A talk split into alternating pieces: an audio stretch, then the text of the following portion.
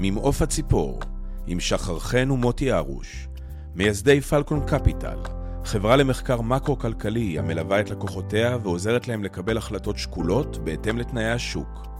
פלקון מתמחים בייעוץ משכנתאות, ייעוץ פיננסי לעסקים קטנים ובינוניים, מלמדים ברמה האקדמית השקעות ערך בשוק ההון, ומשמשים שותף כללי בקרן פלקון קפיטל.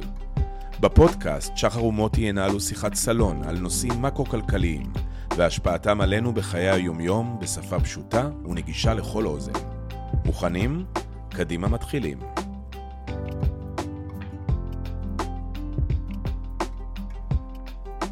היום בפרק אנחנו שמחים וגאים לארח את האורחת הראשונה שלנו, הגברת גלית בן נעים, שאחראית על כיסוי תחום הנדל"ן במשרד הכלכלנית הראשית, והאמונה על הסקירות התקופתיות של הנדל"ן במשרד. שלום גלית. שלום לכם. מה שלומך? בסדר גמור, תודה. אז uh, ככה, לפני שנתחיל ונשאל uh, כל מיני שאלות, נשמח uh, שתציגי את עצמך, uh, ואז uh, נתחיל לצלול uh, לעומקם של השאלות. אוקיי, okay, uh, אני הגעתי למשרד האוצר ב-2005, uh, נכנסתי לתחום הנדל"ן ממש לפני פרוץ המשבר העולמי, uh, 2008, ו... לפני כן הייתי ברשות המיסים עשר שנים, צברתי שם מידע על הקבצים המאוד מיוחדים שיש להם, ועם הידע הזה וכלים שרכשתי שם, בין היתר הגעתי לכאן. מדהים. אז אחד הדברים שמאוד חשוב לנו קודם כל להעביר לשומעים שלנו, זה קצת לספר על המקום הזה. אמרתי לך קודם שכשנכנסתי לכאן, אני כאילו מרגיש שנכנסתי למעין... מקום uh, שהוא כמו אקו סיסטם של צ'אט GPT אנושי, הרבה מאוד נתונים, הרבה מאוד uh, משמעויות, ולמי שלא מכיר, אז היינו רוצים קצת uh, לשמוע מה זה המקום הזה, האגף, הכלכלן הראשי. אוקיי, okay, האגף, האגף הזה בנוי משלוש יחידות, uh, שאחת מחקר, הכנסות המדינה ובינלאומי, אני שייכת למחקר. שזה בעצם אה, כל העבודה של הדאטה, כל אחד בתחום שלו יש פה צוותים, צוות נדל"ן, שוק עבודה, תחזיות מקרו, האגף הזה אחראי על תחזיות המקרו של, שנכנסות לתקציב המדינה. אה, ורוב העבודה על הדאטה נעשית בצוות מחקר, אה, עם קבצים מאוד מיוחדים, כמו שציינתי, כלומר, כשאנשים שואלים מה מייחד את המקום הזה ביחס למקומות מכוני מחקר פרטיים או גופים אחרים, זו הגישה לנתוני רשות המיסים, לא, לא לכולם, אבל לחלק גדול מהם, שהם באמת קבצי מידע כל כך ייחודיים, כל כך מעשירים. אה, אני אספר אנקדוטה קטנה, כשהתחלתי לסקר פה את אה, שוק הנדל"ן אה, באופן שוטף, העניין בו כמובן צבר תאוצה אחרי המשבר העולמי כשהריביות ירדו, אה, קראתי איזשהו סקר של אחד המכונים הגדולים בארץ, שאמר משקל המשקיעים בשוק הנדל"ן, לפי הסקר הוא שלושה אחוזים. שזה נשמע מופרך, אה, מופרך ביותר, כאילו. לגמרי, והקטע המצער הוא שבדיוק אה, חודש לפני כן פרסמנו את הסקירה השנתית. היה פרק אה, שנתי של מיסוי מקרקעין בדוח חסות מדינה, אז לא היה חודשי, היה רק שנתי. וזה אמר שבעצם זה לא הגיע, לא הגיע לציבור, לא הגיע לתקשורת, לא הגיע לשחקנים בשוק. והראה את המספרים שהם עמדו על 20 אחוז, כן? רק כדי לסבר את האוזן, כלומר, חמישית לעומת השיעור של הסקר הצביע עליו 3 אחוזים. אה, ואז הבנו שיש באמת בעיה של הנגשה של המידע, כלומר, יותר הדוברות באמת נכנסה לעובי הקורה, לחשוף את הסקירות לציבור. ואני חושבת שהיום די, אה, אני רוצה להאמין שיותר מכירים אותנו אה, מאשר באותה תקופה. אוקיי, okay, אז, אז בואי נגיד, אם כבר נגענו בנקודה של אם מכירים אותנו או לא, מה, איך, איך אתם היום עובדים למשל מול קובעי המדיניות? האגף הזה הוא יחידת מטה, כלומר, הוא מטה להנהלת האוצר, מייעץ אה, על בסיס נתונים, כלומר, אה, חוקרים, בודקים, מנתחים ומביאים תובנות. אה, לפעמים מקבלים אותם, לפעמים לא, לפעמים לוקחים חלק מהם. אני יכול להגיד, למשל, בהקשר של הנדל"ן, שההשפעה שלנו על המיסוי, מיסוי המשקיעים, לפחות במהלך האחרון שהעלו את המס בסוף 21, הוא היה ממש מכריע. כלומר, לא אכנס לפרטים, אבל עמדה הצעה אחת אחרת על הפרק, ש... כמעט כבר הפכה לה, להחלטה, אה, מה שנקרא, מחליטים בממשלה.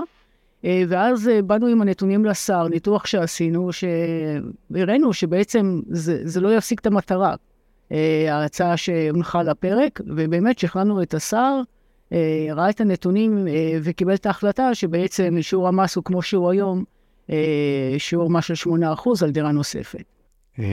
אם כבר באמת מדברים על מיסוי, אז אני באמת מר, מרשה לעצמי, נקרא לזה לפלוש לטריטוריה הזאת.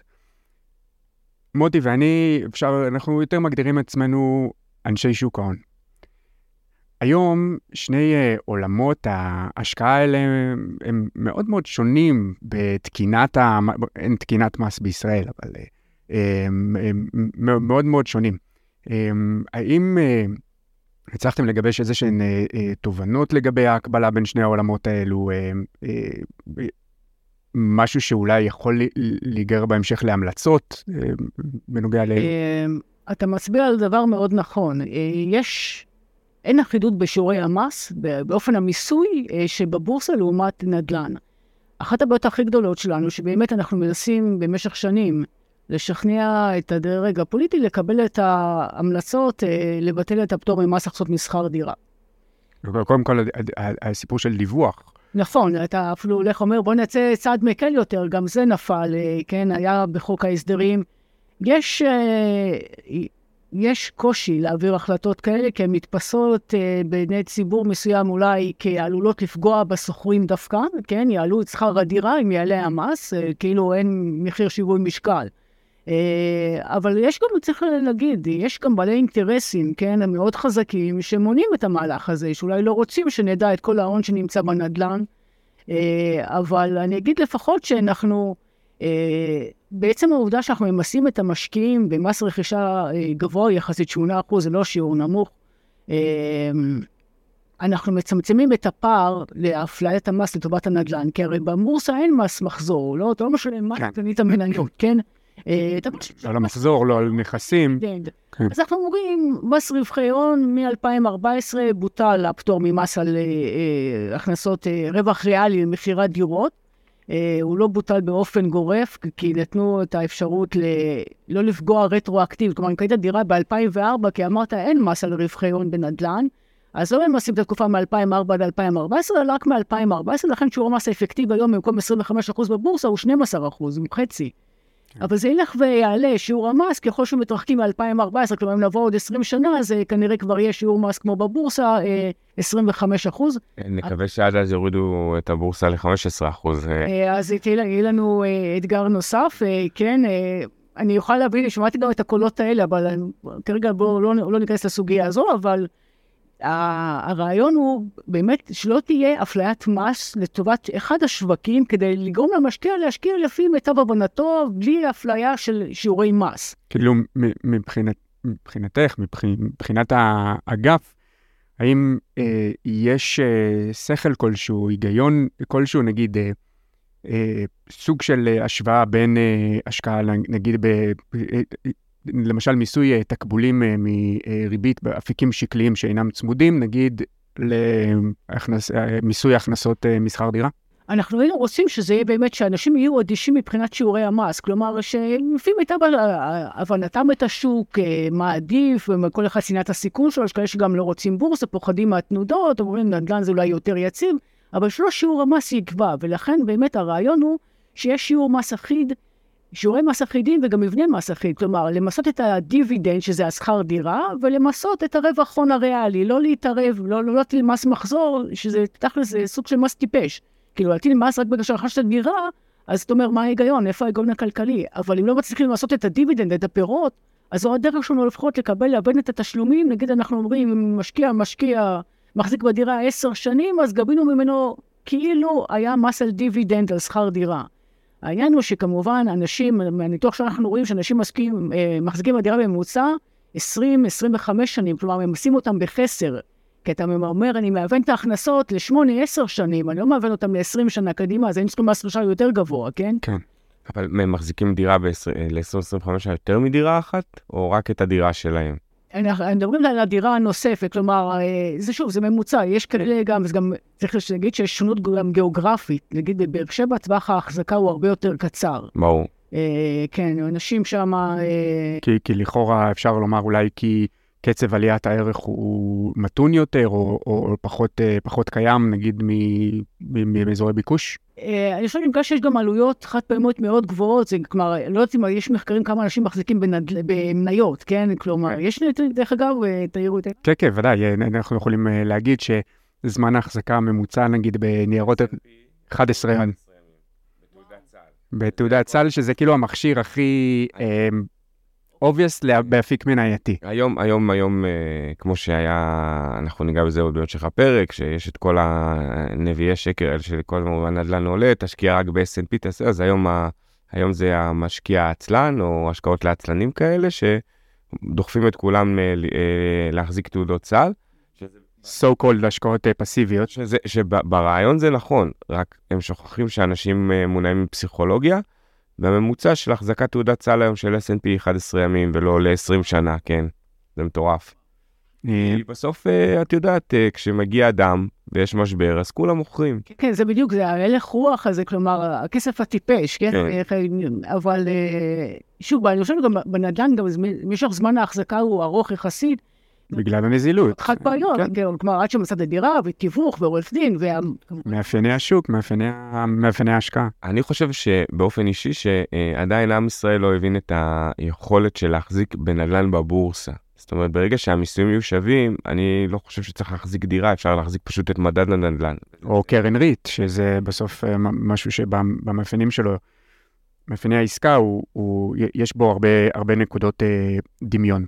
אנחנו עוד אני, אני אומר באופן אישי שבסוף אני אה, לא יודע לעשות נדל"ן יותר טוב מפרשקובסקי, או לא משנה, כל יזם כזה, או דימרי וכו'. אז אני מעדיף להחזיק את המדד, שוב, שום דבר פה לא המלצה כמובן וזה, אבל הם פשוט יודעים לעשות נדל"ן יותר טוב ממני, זה תחום ההתמחות שלהם.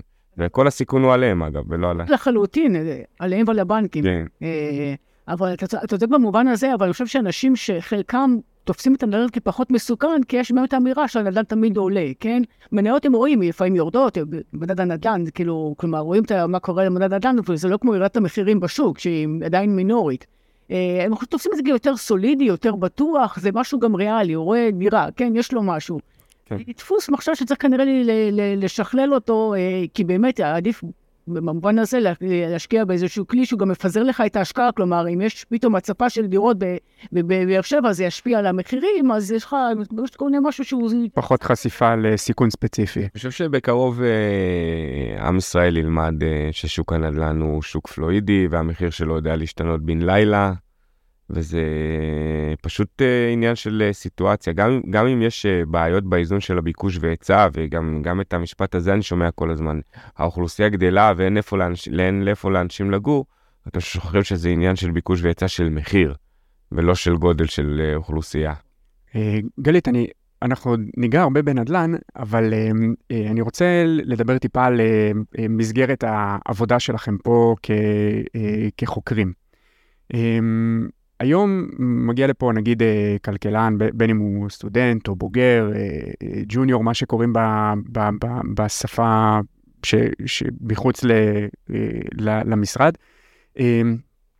איזה סט כישורים את היום צריכה נגיד מחוקר, איזה, איזה יכולות קודם כל, אני כבר אקדים ואציין שאנחנו נשמח, יש לנו שתי משרות פניות לכלכלנים, אה, לצוות שלי שעוסק בתחום הנדל"ן ותחומים נוספים, אבל זה העיקר.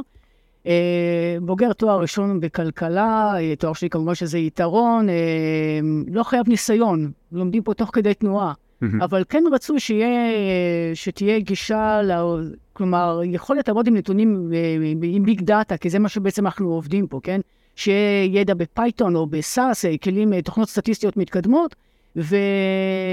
וגם אה, יכולת לראות את התמונה הגדולה, כי כשיש לך קבצים נורא גדולים, אתה עלול ללכת לאיבוד. כלומר, צריך לדעת לדלות אותם, להסתכל עליהם, לראות מה...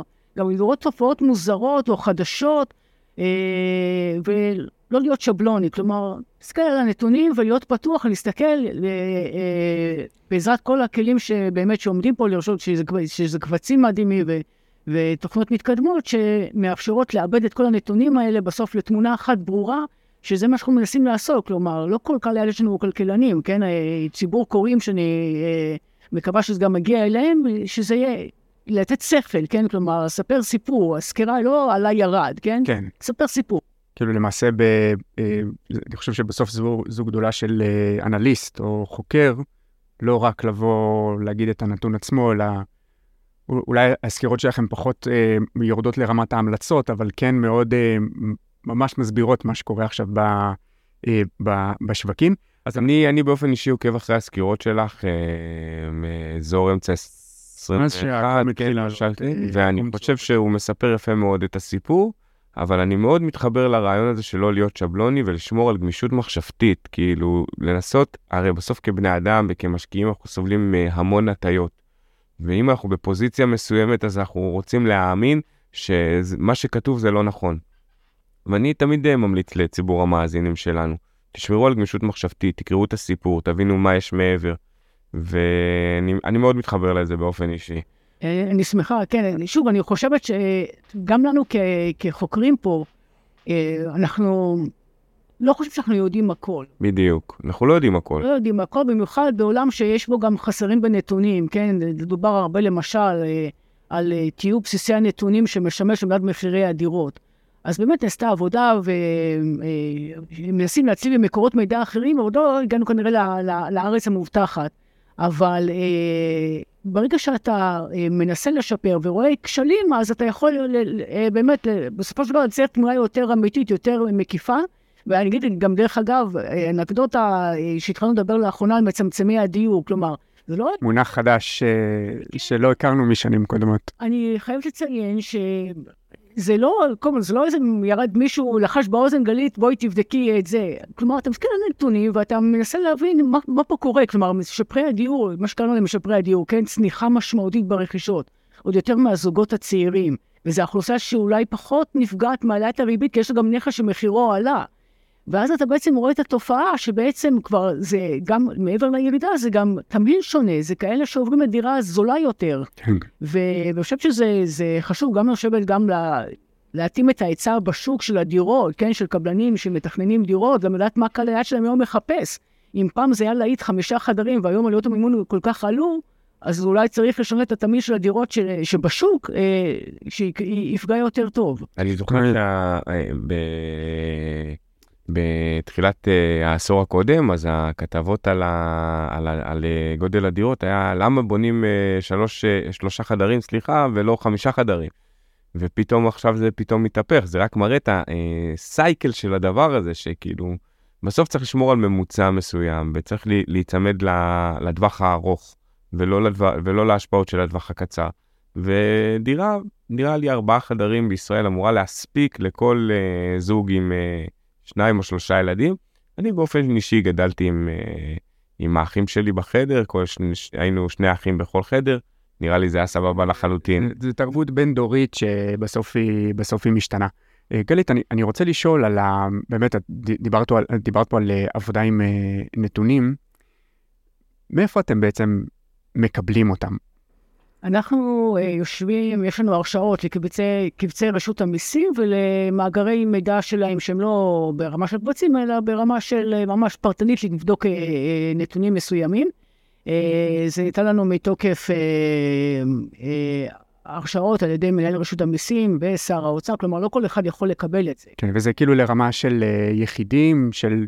ברמה, ברמה ש... כי נגיד כך, כשעובדים על נתונים, אני חייב לציין...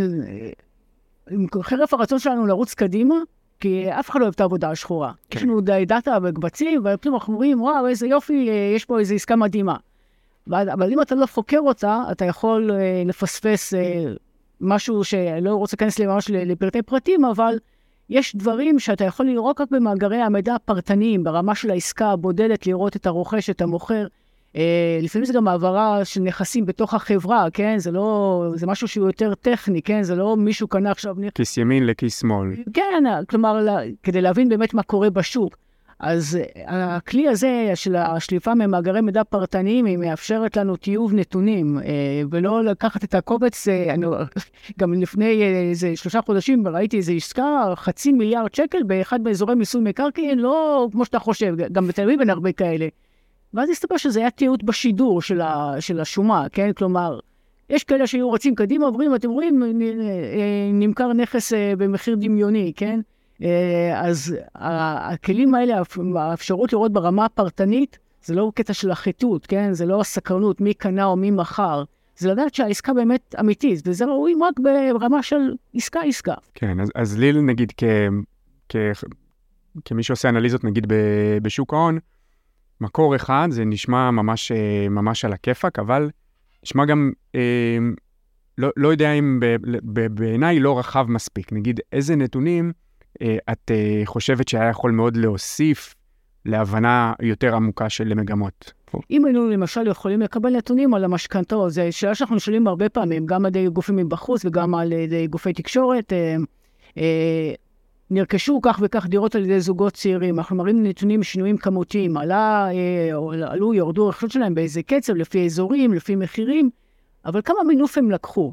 אז יש נתונים של בנק ישראל שהם נותנים אגרגטיביים, שאומרים על השינוי בתמהיל אה, המשכנתאות, האם עלה המינוף, ירד המינוף, הם התחילו לאחרונה גם לחלק את זה באמת לפי סגמנטים של משקיעים או זוגות צעירים, אבל לעשות אה, ניתוח יותר מושכל, כלומר ברזולוציה יותר גבוהה, אין לנו, כי אין לנו מידע על משכנתאות. כלומר, זה נתונים שיושבים בבנקים, בבנק ישראל, אה, ואין לנו גישה אליהם.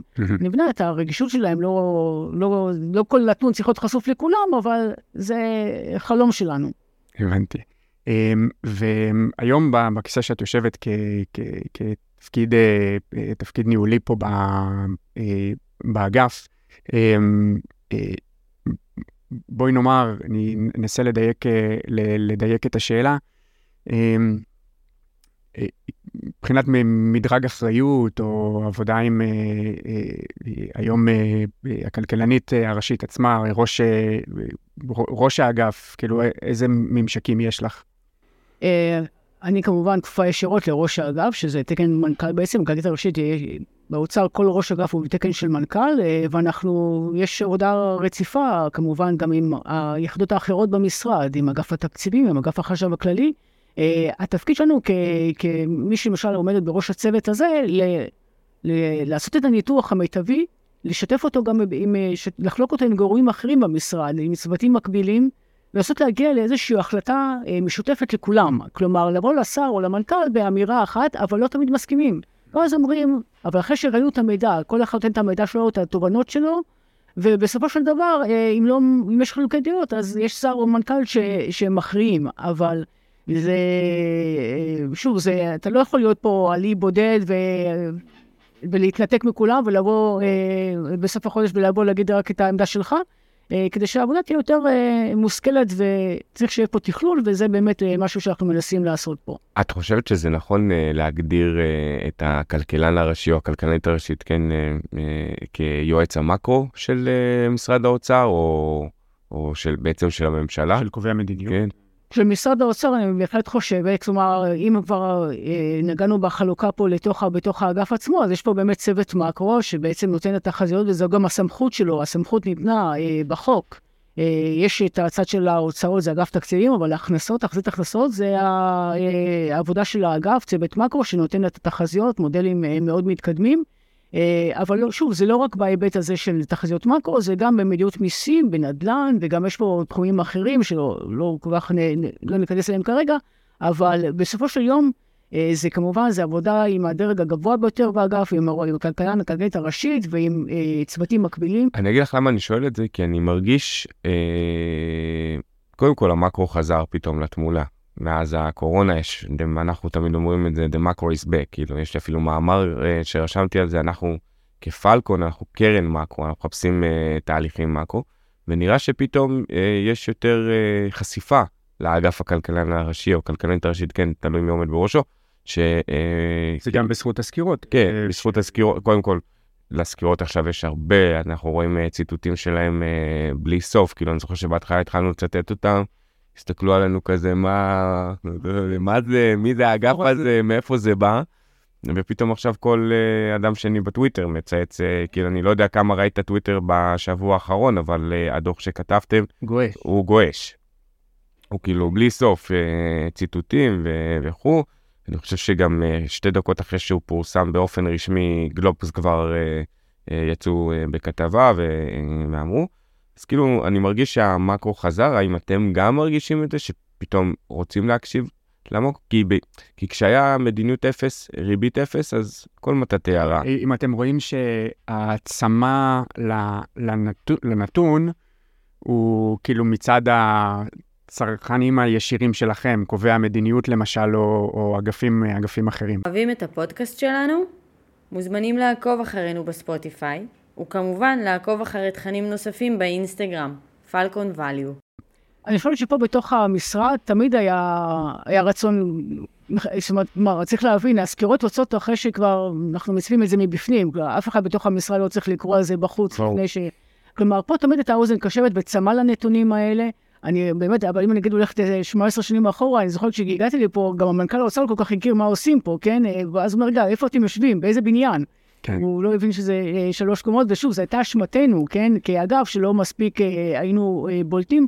אבל היום באמת אני, איך אומרים, ידיים עושות עייפה בגלל שמגיעות פניות גם מתוך המשרד, גם מחוץ, שרוצים עוד מידע, עוד נתונים. איך באמת התפתחה הסקירה? הסקירה אה, נולדה בעצם... את יודעת, לפני שאנחנו באמת הולכים לזה, אני, אני רוצה שגם יבינו שאנחנו עוברים רגע לחלק השני והמעניין יותר, ואנחנו באמת מעניין איך הסקירות התפתחו, מה, מי קהל היעד שבעצם רציתם לכוון אליו. איך אתם רואים אה, גיבוש מדיניות ממשלתית כתוצאה מהפצת המידע אה, בסקירות האלה? בואו בוא נתחיל לדבר על הסקירות ולאט לאט נצלול גם לתוך הסקירות, ובסוף נגיע לנתונים שאני מאמין שכל מי שמאזין לפרק הזה צמא להבין מה קורה רגע עם הנדל"ן. אוקיי, okay, אנחנו התחלנו את הסקירות אה, ברמה חודשית שוטפת, בהתחלה בתוך האגף במשבר העולמי, שפרץ המשבר העולמי ב-2008 עם בועת הנדל"ן בארצות הברית.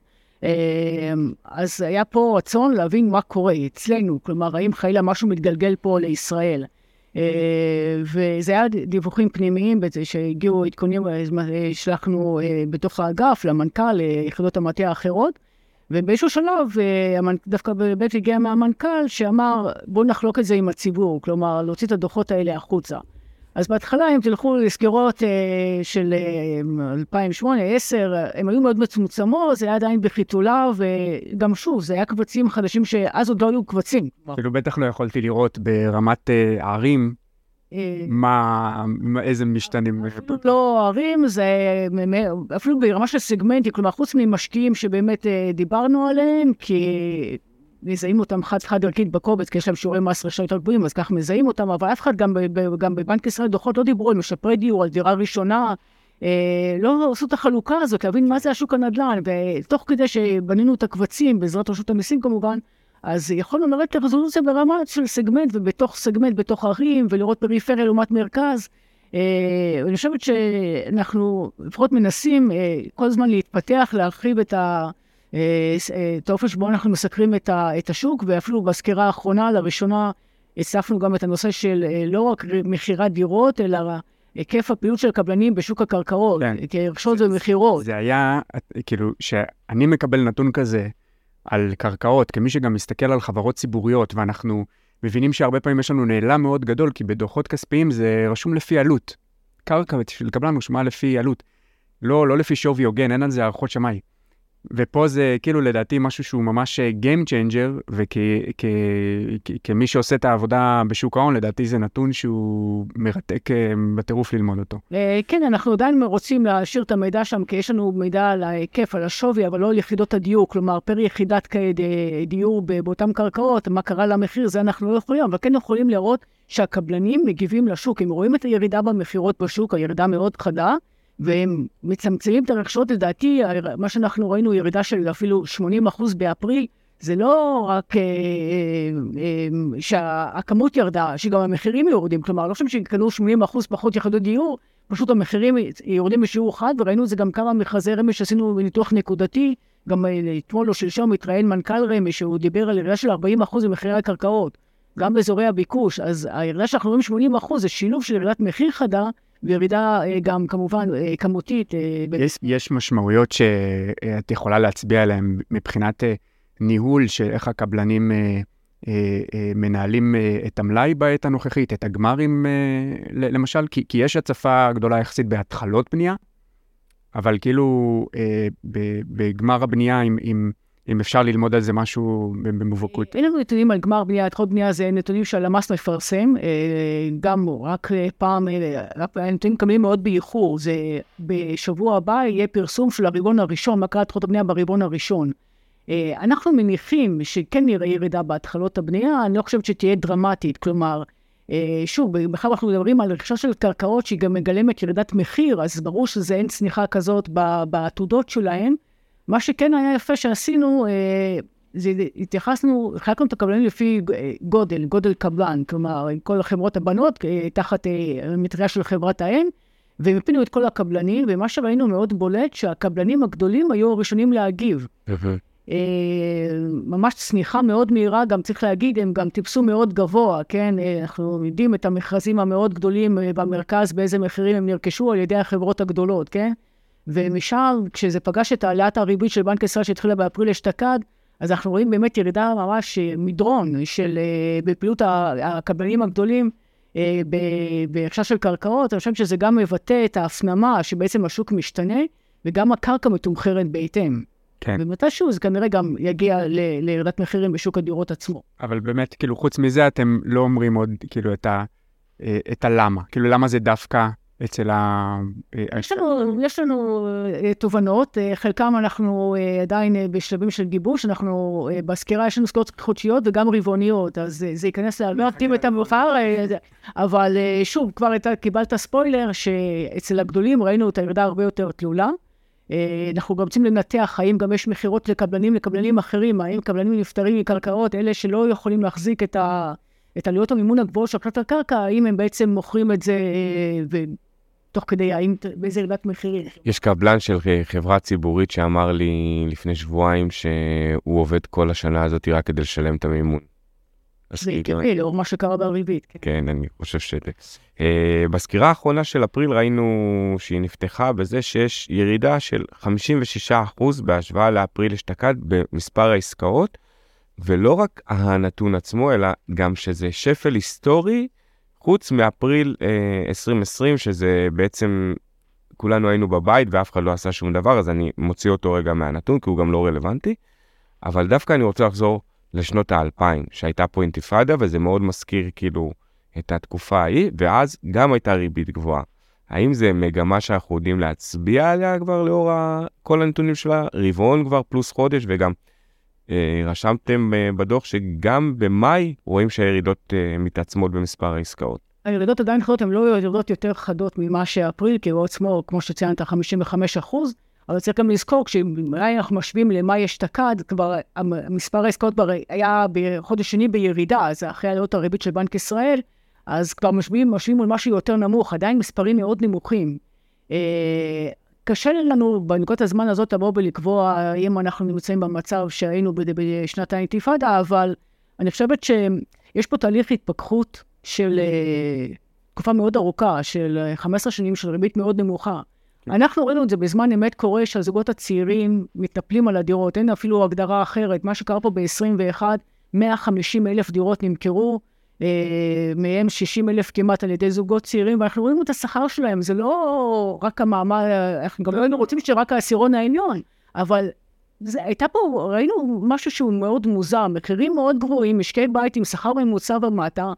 אה, נכון, היו נתונים על המשכנתאות, אבל מבינים שהם לקחו משכנתה מאוד גבוהה. פתאום יש להם down payment של, אה, לא יודע, אה, חצי מיליון שקל אה, ומעלה. תראי, אני, אני, אני מסתכל הרבה בפייסבוק, ואני רואה כל מיני אנשים בכל מיני קבוצות שרושמים. אני יכול להגיד לך שבממוצע כל מה שאני רואה, וזה לא על בסיס 1, 2, 3, אני גם עושה לזה רישום uh, כדי שבאמת זה יהיה משהו אמפירי. Uh, רוב האנשים שאני רואה שהם מדווחים, המשכנתה שלהם עלתה בממוצע באזור ה-1,500 שקל. כאילו, הם אומרים כבר, די, אנחנו חנוקים, אנחנו... אז אתה מבין שהמינוף הוא... כן. לא פרופורציונלי. נכון, זה, אני חושבת שזה פשוט גדל פה דור שלא מכיר, לא הכיר ריביות אחרות. דור אטינה, there is no alternative. כן, אה, זה, ועכשיו אני חושבת שמה שאנחנו רואים זה התפכחות ו... ו... וחישוב מסלול מחדש. אני, אני רוצה לקחת אותך לעוד נקודה, דווקא למשקיעים, ונראה שמהסקירות שכל הכסף החכם יוצא החוצה, ונשאר רק כסף טיפש, ואני אסביר מה אני אומר. כי אם בסוף רואים לאורך, מנגיד תחילת 2022 את הדוח, רואים המון משקיעים מוכרים, נפטרים מסחורה.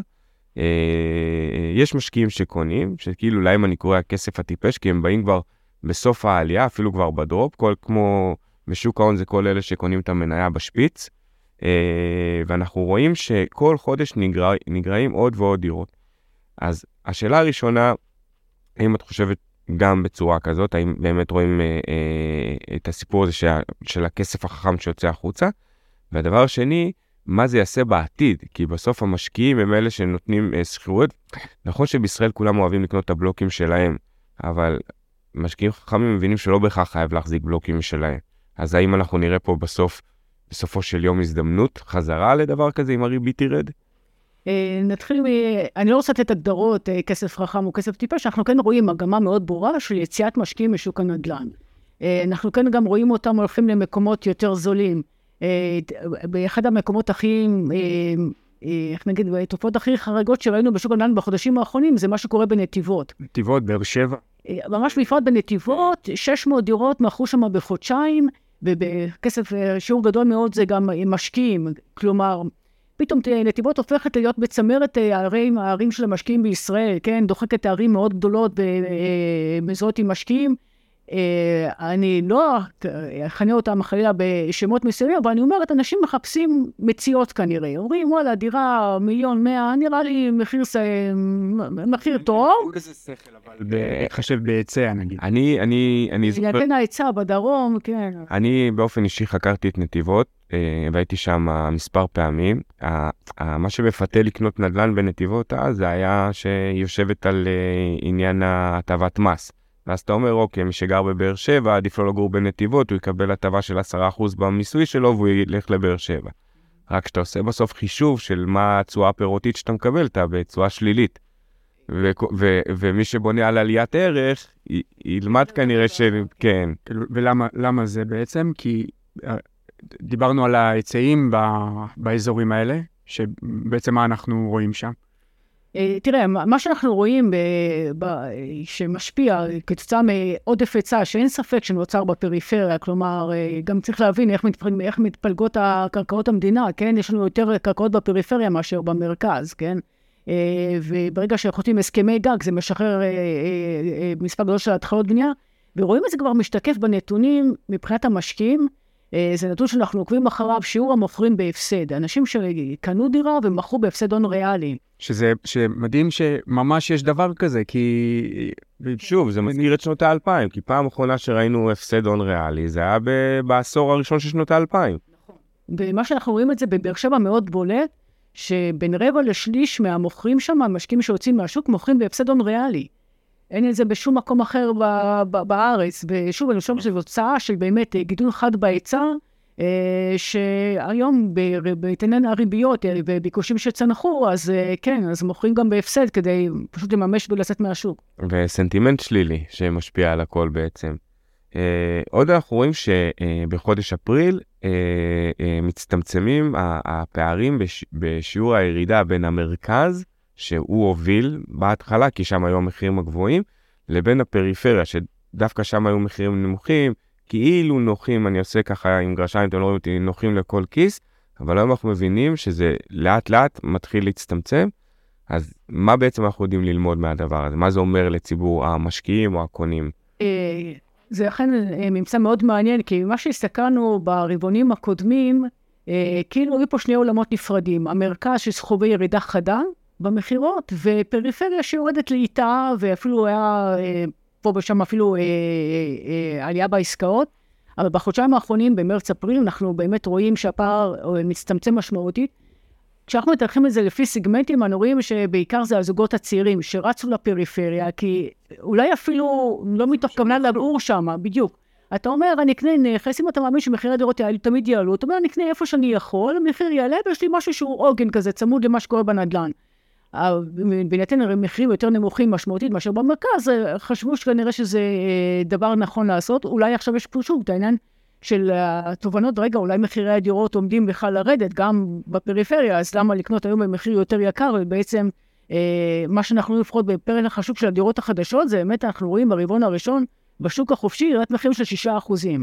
אז בדירות השנייה זה עוד לא הגיע לפי מדד הלמ"ס, למרות שיש מדד אחר, שזה מכון גזית גלופ, אם אני לא טועה, שפרסם מדד כשילר, שזה כמו המדד ארצות הברית, שהוא מצביע על ירידה במחירי דירות השנייה ברבעון הראשון, שגם זה, הירידות הגיעו לשם.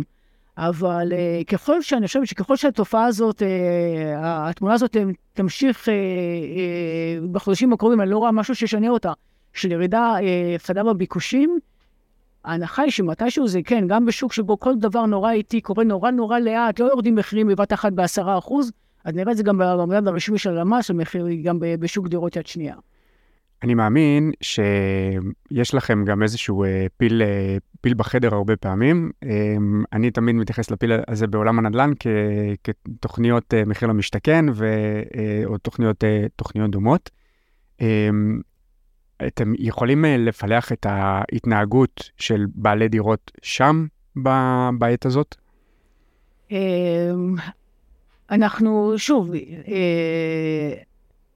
אנחנו מסתכלים על השוק בצורה יותר כללית, כלומר, מה נכון לעשות עכשיו כמדיניות, אה, לא נדבר עכשיו דווקא על מחיר למשתכן או מחיר מופחת, אה, כי אני חושבת שיש פה דרג פוליטי, אה, והוא קיבל את ההחלטות שחלק מהדירות ישווקו בסבסוד. אנחנו צריכים עכשיו, כמו שאני רואה את הדברים, לכוון לעוד שנה, לעוד שנתיים. כלומר, יש היום האמריקות בחוץ, בשוק, אה, שכשהריבית תרד, תתחיל לרדת, או יש כאלה שאפילו טוענים כשהציבור יסתגל לשיעורי הריבית האלה, אז יחזור הבום בביקושים. אז אני חושבת שזה לא עניין פסיכולוגי, יש פה קושי משמעותי לממן דירה בהינתן הריבית הזאת, רק כשאנחנו נדבר באמת עוד שנתיים שלוש שהריבית תחזור לרמות יותר נמוכות, אני מניחה שלא תחזור לרמות שהן היו, אז שלא נפגוש אה, גידול בביקוש עם היצע נמוך. ובאמת, השאלה היא באמת איך מתמרצים את שוק הנדל"ן, את הקבלנים לבנות, אה, בתקופה שבה אה, התמריץ שלהם לבנות הוא נמוך, או גם אם הוא קיים, יש אה, מגבלות מימון ומגבלות של בנקים שרוצים פריס. לא, אבל כאילו, מה, מה שאני בא, בא לומר, אני היום כמי שפה ושם קצת מסתכל על שוק הנדל"ן, לא, ב, לא בעין מקצועית, אז אני בא ואומר, מה, מה יש פה? יש פה so called העברת עושר. בין, אה, בין צד אחד ל, ל, לצד אחר, שכאילו אה, קנה דירה במחיר מאוד אטרקטיבי, לא, לא בהכרח אה, גר בה, ועכשיו כאילו מנסה, את יודעת, לעשות את אקזיט, את אקזיט חייו. אז כאילו בהקשר, השאלה שלי ב, ב, בהתנהגות הזאת, אם יש לה מאפיינים מסוימים ש... אפשר אמפירית אה, לאפיין אותם. אה, בגלל שיש חסימה של חמש שנים בין הרכישה לבין, ה... בין. יש, יש כל מיני הגדרות ממועד ההגרלה או ממועד חתימת החוזה, אבל במינימום חמש שנים, אז מעטים מאוד הפרויקטים שאתה יכול כבר למכור את הדירה, כן? צריך להבין, זה התחיל ב-2016 בטיפין-טיפין, כן? הרבות הראשונות היו באפריל 2016. אני מניחה שבשנה, שנתיים הקרובות, אנחנו נראה יותר פרויקטים שכבר השתחררה הפסימה. כן, כל מה עשינו זה באיזה, בפרויקט הראשון, בלוד, עשינו בסקירה לפני איזה שנה, אם אני לא טועה, אבל שוב, זה זמן נורא קצר אחרי, כלומר, גם מישהו רוצה למכור, אז אה, זה היה כאילו חצי שנה אחרי, לא ראינו, אתה יודע, התנפלות. אני חושבת ששוב, גם אה, העניין הזה, אה, אתה צודק לגמרי ברמה הזאת שאנשים קיבלו סובסודיה מהמדינה אה, ויעשו רווח הון במרכאות על גבינו, כן? אולי. יכול, יכול להיות, כן. אולי. מתי הם יפגשו עם את השוק. בדיוק, זה עכשיו, עכשיו מתחיל להשתחרר, אני חושב שזה החצ... השנה הזאת, זה השנה הראשונה. בואו נראה כמה הם יציפו את השוק, הם, כאילו, מחיר למשתכן הוא בסוף הופך להיות חרב פיפיות כרגע לאנשים בפוטנציאל, כי בסופו של יום, אם באמת עכשיו אנשים יגידו, אוקיי, בחצי שנה הקרובה, זה ההזדמנות שלי למכור, כי כולם חושבים שזה באמת עולה והם רוצים את הכסף, והם יציפו את השוק, הם פשוט יראו לעצמם ברגליים, וזה... ואנחנו נראה פה ירידות מחירים. את יודעת מה? אני רוצה להתחבר לשאלה הבאה. מה בעצם המספר שיכול ללמד אותנו, או להערכתכם, אני לא יודע אם יש לכם או לא, שיש פאניקה אמיתית בשוק הנדל"ן של מכירות. ש... מבחינת אה, מספרי אה, יחידות, אה, יחידות שנמכרו, או, או, או, או לא יודע, בשילוב עם שיעור ירידה נגיד. אין ספק שכשמדברים על רמה כזאת של עסקאות, אז השוק הזה זה, זה שוק אמ, שכן, כמו שציינתי, בתקופת האינתיפאדה אפילו אולי גרוע מזה במונחים ריאליים, הרי משקי הבית גדלו ב-20 השנים האחרונות ואנחנו חוזרים אה, לרמות כאלה, אה, אז יש פה אה, פגיעה משמעותית ברמת הבריאות בענף, אבל... אה, אני, קשה להתנבא לגבי השוק הזה, כן? אבל שוב, גם אנחנו אומרים, תקופה, תקופה נורא ארוכה, מאוד ארוכה, של ריבית מאוד נמוכה. אה, אנשים כנראה קיבלו חלקם החלטות לא ממש טובות. אנחנו רואים את זה, כמו שדיברתי, למשל, משקיעים שיוצאים מבאר שבע בהפסד. אם נראה מגמה שזה מתעצם, כלומר, לא רק בבאר שבע, מתרחב לאזורים מסוימים, שאנשים פשוט בורחים, חלילה, מהנדל"ן, אז, אה, אז אין פה מדד פחד, כן, כמו שיש בשוק המניות, אבל אולי אפשר לבנות למשהו כזה, כלומר... דומה, על, על סמך נזילות ו... כן, ו... כלומר, אה, זה, זה משהו שלא מכירים מהעולם הנדל"ן ב-15 השנים האחרונות, כן? כשנמכור בהפסד חוץ מאשר בבאר שבע, אז אני אומר, אם זה יתרחב גם במקומות אחרים, שאנשים בכל מחיר מוכרים את הנכס שלהם, כלומר, רוצים להיפגש עם הכסף, אה, אז אה, אנחנו כנראה... תראי, אני שמעתי על הרבה אנשים שאני לא יודע אם את מכירה את התופעה הזאת, אבל הרבה אנשים קנו בשנים האחרונות נדל"ן ב-100% מימון. ועכשיו אתה שואל את עצמך, יכול להיות? כי בנק ישראל נותן רק 75%. אז יש תופעה מאוד מאוד uh, ידועה, בעיקר בטיקטוק אצל הצעירים, של uh, חבר'ה צעירים שחושבים שהם המציאו את העולם, והם מסבירים לאנשים איך קונים ולוקחים הלוואה בפריים מיניפרד, הלוואה לכל מטרה, מנשנים, כן? אה, אגב, האזור המועדף לכולם, האזור המועדף על דבר זה דימונה, כי שם זה היה מאוד זול. ואני יצא לי השבוע לדבר עם אה, מישהי שעשתה גם איזו השקעה כזאת. את ההשקעה היא עשתה בחו"ל, אבל היא אמרה לי שהריבית מתחילה לחנוק אותה, שזרם המזומנים גבוה יותר מזרם ההשקעה. אז את חושבת ש... אה, אה, או יותר נכון לשאול, איזה רמת ריבית... אפשר להצביע על רמת ריבית. פחות או יותר, שהיא תגרום, היא שהיא תהיה מספיק גבוהה, אבל היא תעשה כמו ש... לשינוי, ב... בואי נגיד, ב... בהכנסה הפנויה, לא יודע אם... בנטו, בתזרים. כן, כן, תזרים.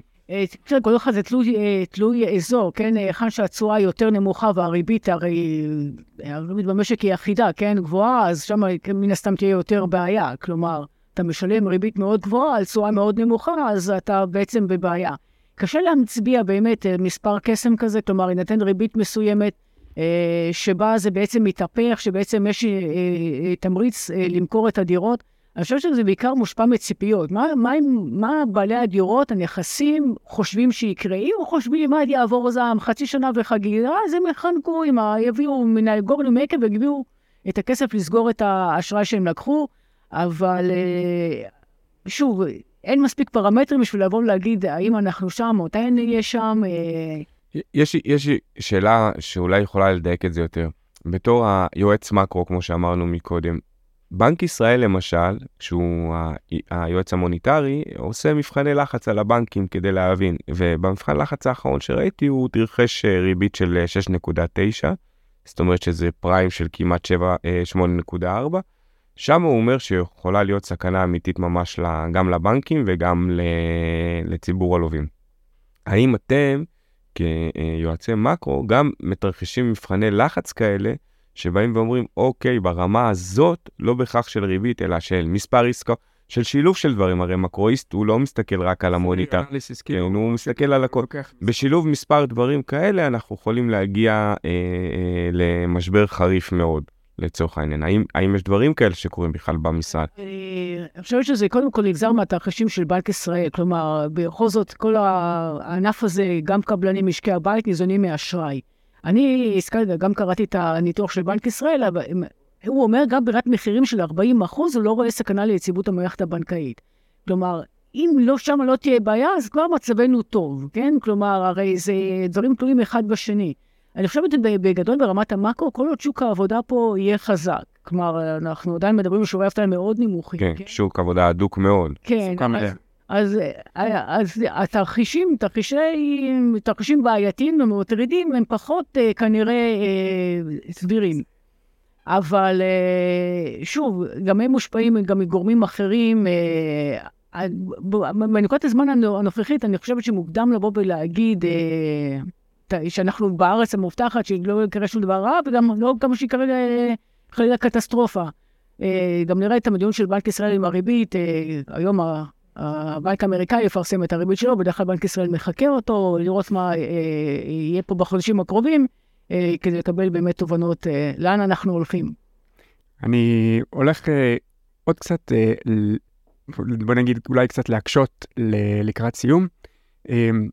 איזה מגמות היום, אה, ברור שאין אולי את כל מעטפת הנתונים שאתם, אה, שאתם צריכים, אה, שאתם כן מצליחים לזהות למשל בשוק השכירות? וואי, אתה נוגע בנוגעה מאוד כואבת. ונזכרת מקודם שלא לא הצלחנו לבטל את הפטור ממס על הכנסות משכר דירה, ואפילו לא גם את הפטור מחובת דיווח. כלומר, צריך להבין, אנחנו די חיים בערפל. יש את הסקר של הלמ"ס, סקר שכר דירה, אבל... הוא סקר. הוא סקר, הוא גם, הוא מצומצם יחסית, כלומר, לא באמת אפשר לקבל ממנו תובנות, כמו שיש לנו מידע על כל העסקאות של קנייה ומכירה של דירות.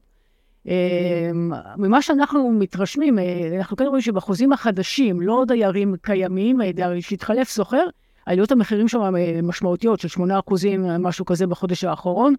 אנחנו מתקרבים לחודשי הקיץ, כן? שבדרך כלל אז יש... המעברים ואז כנראה המדד הסקרנות יהיה תחלופה גדולה יותר, כי בעת חוזים מסתיימים, ואז תהיה לזה בעצם השפעה על המדד הכללי של שכר הדירה. אה, זה כשלעצמו גורר ריבית, כי הרי זה בתוך מדד מחירים לצרכן. כן, כי זה אינפלציה דביקה בעצם, זה כאילו... אה, אז אנחנו רואים פה בעצם ספירלה של אינפלציה, מה שחששנו. עלולים לראות, כלומר, ככל שזה באמת יגיע לחוזי השכירות החדשים, והם יהיו בשיעורים הרבה יותר גבוהים בחודשי הקיץ, אז אה, כן, אז אנחנו כנראה נראה עלייה מעבר למה שאנחנו רואים היום בשכר הדירה הכללי. יפה. אז ככה, דבר אחרון לסיום, אה, מה שנקרא ממעוף הציפור, כמו שאנחנו אוהבים להגיד, ככה מ-20 שנה שאת פה באגף ורואה את הנדל"ן אה, בצורה כזאת ואחרת. איזה טיפ חשוב אה, וחכם יש לך להגיד לציבור המאזינים שלנו, סלש משקיעים? על... הם רוכשי דירות, או... לא יודע, משקיעים ב... כמובן שזה לא המלצה, אין פה שום דבר שהוא המלצה, אלא אפילו הייתי מדבר על טיפ יותר כאילו על איך להסתכל על נדל"ן. בהיבט של מי שרואה את כל הנתונים. אני אומרת קודם כל להסתכל, לחפש נתונים. כי אני גם אה, רואה את השיח ברשתות החברתיות, אה, נגמרו הדירות וכל מיני אמירות, אני אומרת, תחפשו נתונים. כלומר, הנה, היום הלמ"ס אה, אמורה לפרסם את מלאי הדירות הלא מכור של קבלנים. חודש הקודם הוא הצביע ל-54,000 במגמת עלייה בשנה האחרונה. זמן שדירה עומדת על המדף הוכפל משמונה חודשים ל-16-17 חודשים עד שדירה נמכרת על ידי קבלן. אה, לא לרוץ בפאניקה, כן? לפני שאתה הולך לקבל את ההחלטה הכי חשובה בחיים שלך מבחינה כספית, כן? זה אה, בכל זאת אה, אה, השקעה כבדה. לבקש נתונים, לראות נתונים, להיכנס ללמ"ס, להיכנס לנתונים שלנו, כאן באוצר, לחפש מידע. אה, לא להיות ניזונים משמועות, מכל מיני אה, אמירות, אה, פרדיגמות. אני מבטיח לכם שלא תיאמנו את זה איתה. אנחנו אומרים את זה פשוט כל פרק, את אותו דבר. תחפשו את הנתונים, תחקרו, תלמדו, תעשו. זה בעיה, כי אתה יודע, רוב, ה... רוב הציבור בסופו של דבר הוא, הוא עצלן. כלומר, עבודת המחקר היא, היא, היא, היא עבודה שלא תמיד מתאימה לכל אחד, ולפעמים היא עבודה קשה. כלומר, גם הגישה לנתון, גם המלאכת האיסוף, שהיא מלאכה מאתגרת בפני עצמה. אגב, לדעתי, אה, לא, גם לכם אולי היא מאתגרת, אבל אה, אתכם כאילו, יש לכם את הפריבילגיה שמאכילים אתכם במרכאות בנתונים. ומי שיושב בבית, לא בהכרח מאכילים אותו בנתונים, והוא צריך ללכת. אני חושב שהסיפור הכי טוב שאיתו אני אסיים, זה הייתה הכניסה שלנו לפה. כשעברנו בבידוק הביטחוני, וראינו את אחד המאבטחים, שהוא סוחר על אה, GPY ופאונד, כן. ואז שאלתי אותו, למה אתה סוחר עליהם? זה גם, זה ספקולציות מטח וזה. הוא אומר לי, אז התשובה שלו הייתה, שזו התשובה של דור עטינה אגב. יש ילדים בני 18 שעושים יותר כסף מילדים בני 40. ואני שאלתי את עצמי, כמה הוא יודע באמת על כלכלת יפן ועל כלכלת בריטניה שהוא מחליט ללכת על הצמד האלה? המאזן תשלומים, מקום תשואות, דברים כאלה. אבל זה, זה, זה בסופו של, של, של דבר הסיפור, ואני חושב שזו נקודה מאוד נכונה, שזה לחקור ו...